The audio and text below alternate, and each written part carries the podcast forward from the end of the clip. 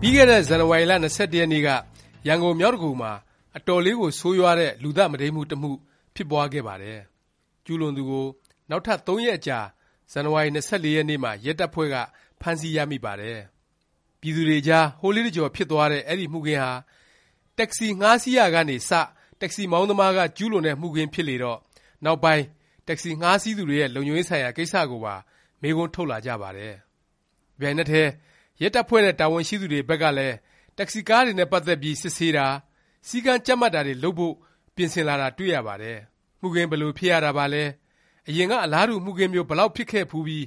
နောင်အဲလိုပြသနာမျိုးဖြစ်ပွားမှုကျဆင်းအောင်ဘာတွေလုပ်နိုင်မလဲဆိုတာခုတစ်ပတ်လေ့လာသုံးသပ်ကြည့်ကြရအောင်ပါ။မှုခင်းဖြစ်စဉ်အကျဉ်းကတော့အသတ်ခံရတဲ့အမျိုးသမီးဟာလှည်းတန်းစင်တာနားအင်းစိန်လမ်းပေါ်ကနေ သူနေထိုင်ရာ ဒဂုံမြို့နယ် မင်းမနိုင်ရပ်ကွက်ကို တက္ကစီကားငှားစီးခဲ့တဲ့အကြောင်း၊သူ့ရဲ့နေအိမ်နားအရောက် အဲကွန်းဖွင့်ပေးလို့ တက္ကစီခ ကျပ်တစ်ထောင်ပိုတောင်းရာကနေ တက္ကစီဒရိုင်ဘာနဲ့ စကားများပြီး ဒရိုင်ဘာက အမျိုးသမီးကို လည်ပင်းညှစ်၊ဝက်အူလှည့်နဲ့ ထိုးခဲ့ကြောင်း၊အမျိုးသမီး သတိလစ်သွားချိန် ကားကို မြောက်ဒဂုံဘက် ပြန်မောင်းလာပြီး ၃၃ ရပ်ကွက်နားမှာ မုဒိန်းကျင့်ကြောင်း၊နောက်ပိုင်း အမျိုးသမီးသေဆုံးသွားလို့ အလောင်းကို ငမိုးရိပ် ချောင်းနံဘေး တံတားဆပ် မန်ကျည်းပင်အောက်မှာ ပစ်ထားခဲ့တယ်လို့ ဆိုပါတယ်။ဒါတွေဟာ ကျူးလွန်တယ်လို့ ဝန်ခံထားတဲ့ တက္ကစီဒရိုင်ဘာတစ်ယောက်တည်းရဲ့ ထွက်ဆိုချက်ပဲ ဖြစ်တဲ့အတွက် ဘယ်လောက်မှန်တယ်လို့ မပြောနိုင်သေးပါဘူး။ဒါပေမယ့်အားလုံးနားလည်လိုက်တာတစ်ခုကတော့ တက္ကစီငှားစီးရင် ဒရိုင်ဘာရဲ့ သတ်ဖြတ်တာကို ခံလိုက်ရတယ် ဆိုတာပါပဲ။ဒီအတွက် ပြည်သူတွေက ရန်ကုန်တက္ကစီတွေကိစ္စ အာရုံစိုက်လာကြတာ ဖြစ်ပါတယ်။တကယ်တော့ တက္ကစီမောင်းသူက ပြစ်မှုကျူးလွန်တာ၊ ဒုစရိုက်သမားတွေက တက္ကစီကို အသုံးပြုပြီး ရာဇဝတ်မှုလုပ်တာတွေကတော့ ရန်ကုန်မှာ သိပ်ပြီး မဆန်းကြယ်ပါဘူး။ဒီအထဲမှာတစ်ချို့တွေက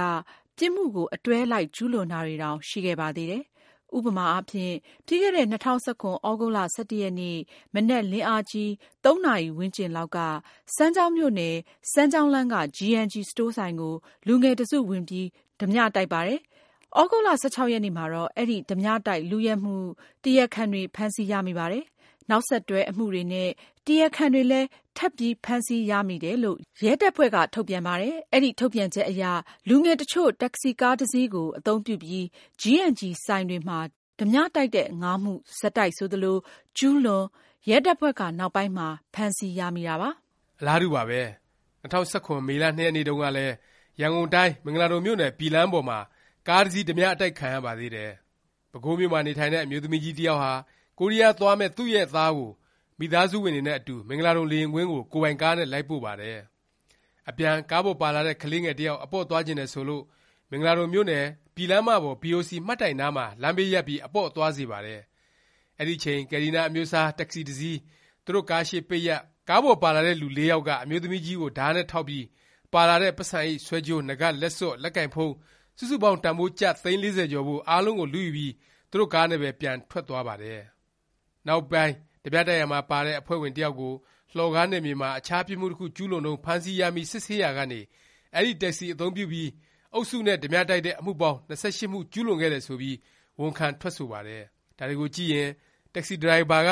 လူသတ်၊ပစ္စည်းယူ၊မုဒိန်းကျင့် ဆိုတဲ့ ပြစ်မှုမျိုး ကျူးလွန်တာတွေ ရှိသလို၊ဒုစရိုက်သမားတွေက တက္ကစီကားကိုငှား၊အဲဒီကားကိုသုံးပြီး ရာဇဝတ်မှုကို အသေအခြာ ပြင်ဆင်ကျူးလွန်တာမျိုးလည်း ရှိနေတယ်ဆိုတာပါ။အခုနောက်ဆုံး အမျိုးသမီးတစ်ယောက် ရက်ရက်စက်စက် မုဒိန်းကျင့် သတ်ဖြတ်ခံရတော့မှ ရဲတပ်ဖွဲ့နဲ့ တာဝန်ရှိသူတွေဟာ တက္ကစီတွေနဲ့ ပတ်သက်တဲ့ အစီအမံ တစ်ချို့ လုပ်ကိုင်လာတာ တွေ့မြင်ရပါတယ်။အငှားယာဉ်အဖြစ် နံပတ်အနီ ထုတ်ပေးထားတဲ့ ကားတွေကို စီးတီးတက္ကစီအဖြစ် ဇန်နဝါရီ ၃၁ ရက်နေ့ နောက်ဆုံးထား မှတ်ပုံတင်ခိုင်းပါတယ်။ရန်ကုန်တိုင်း ယာဉ်ထိန်းအဖွဲ့ကတော့ မှုခင်းတွေ မဖြစ်ပွားရအောင် တက္ကစီကားတွေမှာ စတစ်ကာတွေ ကပ်တာ၊ လေစုတ်ခွက်ကပ်တာ၊ကြော်ငြာကပ်တာ၊လိုက်ကာကာတာတွေမလုပ်ဖို့၊လိုက်နာမှုမရှိရင်ဖေဖေါ်ဝါရီ၁ရက်နေ့ကစ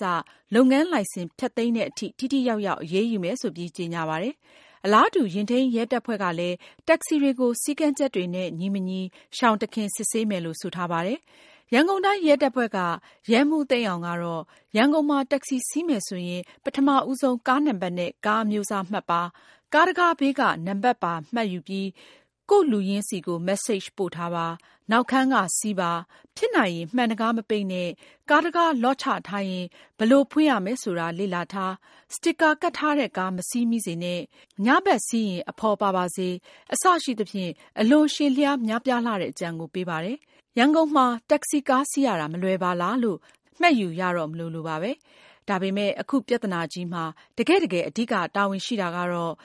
ယာဉ်စည်းကမ်းထိန်းသိမ်းသူတွေနဲ့ ရဲတပ်ဖွဲ့ပါ။အခုဖြစ်ခဲ့တဲ့ မှုခင်းတွေအားလုံးကို ခြုံငုံသုံးသပ်ကြည့်ရင် ဒုစရိုက်သမားတွေ၊အများပြည်သူဝန်ဆောင်မှု တက္ကစီကားမောင်း အလုပ်လုပ်ဖို့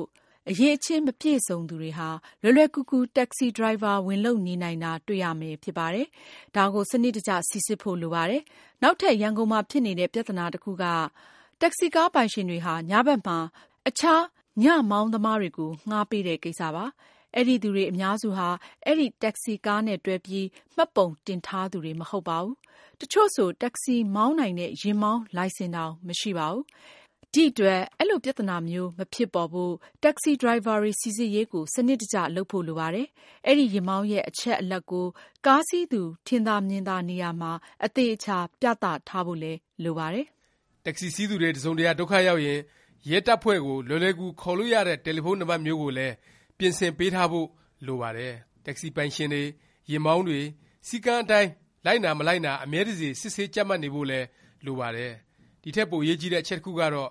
လူ ၅-၆ သောင်းလောက် တက္ကစီဒရိုင်ဘာ အလုပ်နဲ့ အသက်မွေးနေကြတဲ့ ရန်ကုန်မှာ အများစုကြီးဟာ ဝမ်းရေးအတွက် ရိုးရိုးသားသား လုပ်ကိုင်စားနေသူတွေအဖြစ် မြင်ဖို့ လိုပါတယ်။တက္ကစီဒရိုင်ဘာတွေဟာ ဒုစရိုက်သမားတွေ မဟုတ်ပါဘူး။ဒါမှသာ တက္ကစီငှားစီးသူ ပြည်သူတွေနဲ့ ဒရိုင်ဘာ နားလည်မှု ရှိမှာဖြစ်ပြီး မလိုလားအပ်တဲ့ နောက်ဆက်တွဲ ပြသနာ ပေါ်ပေါက်မှုလည်း နည်းမယ် ဖြစ်ကြောင်းပါ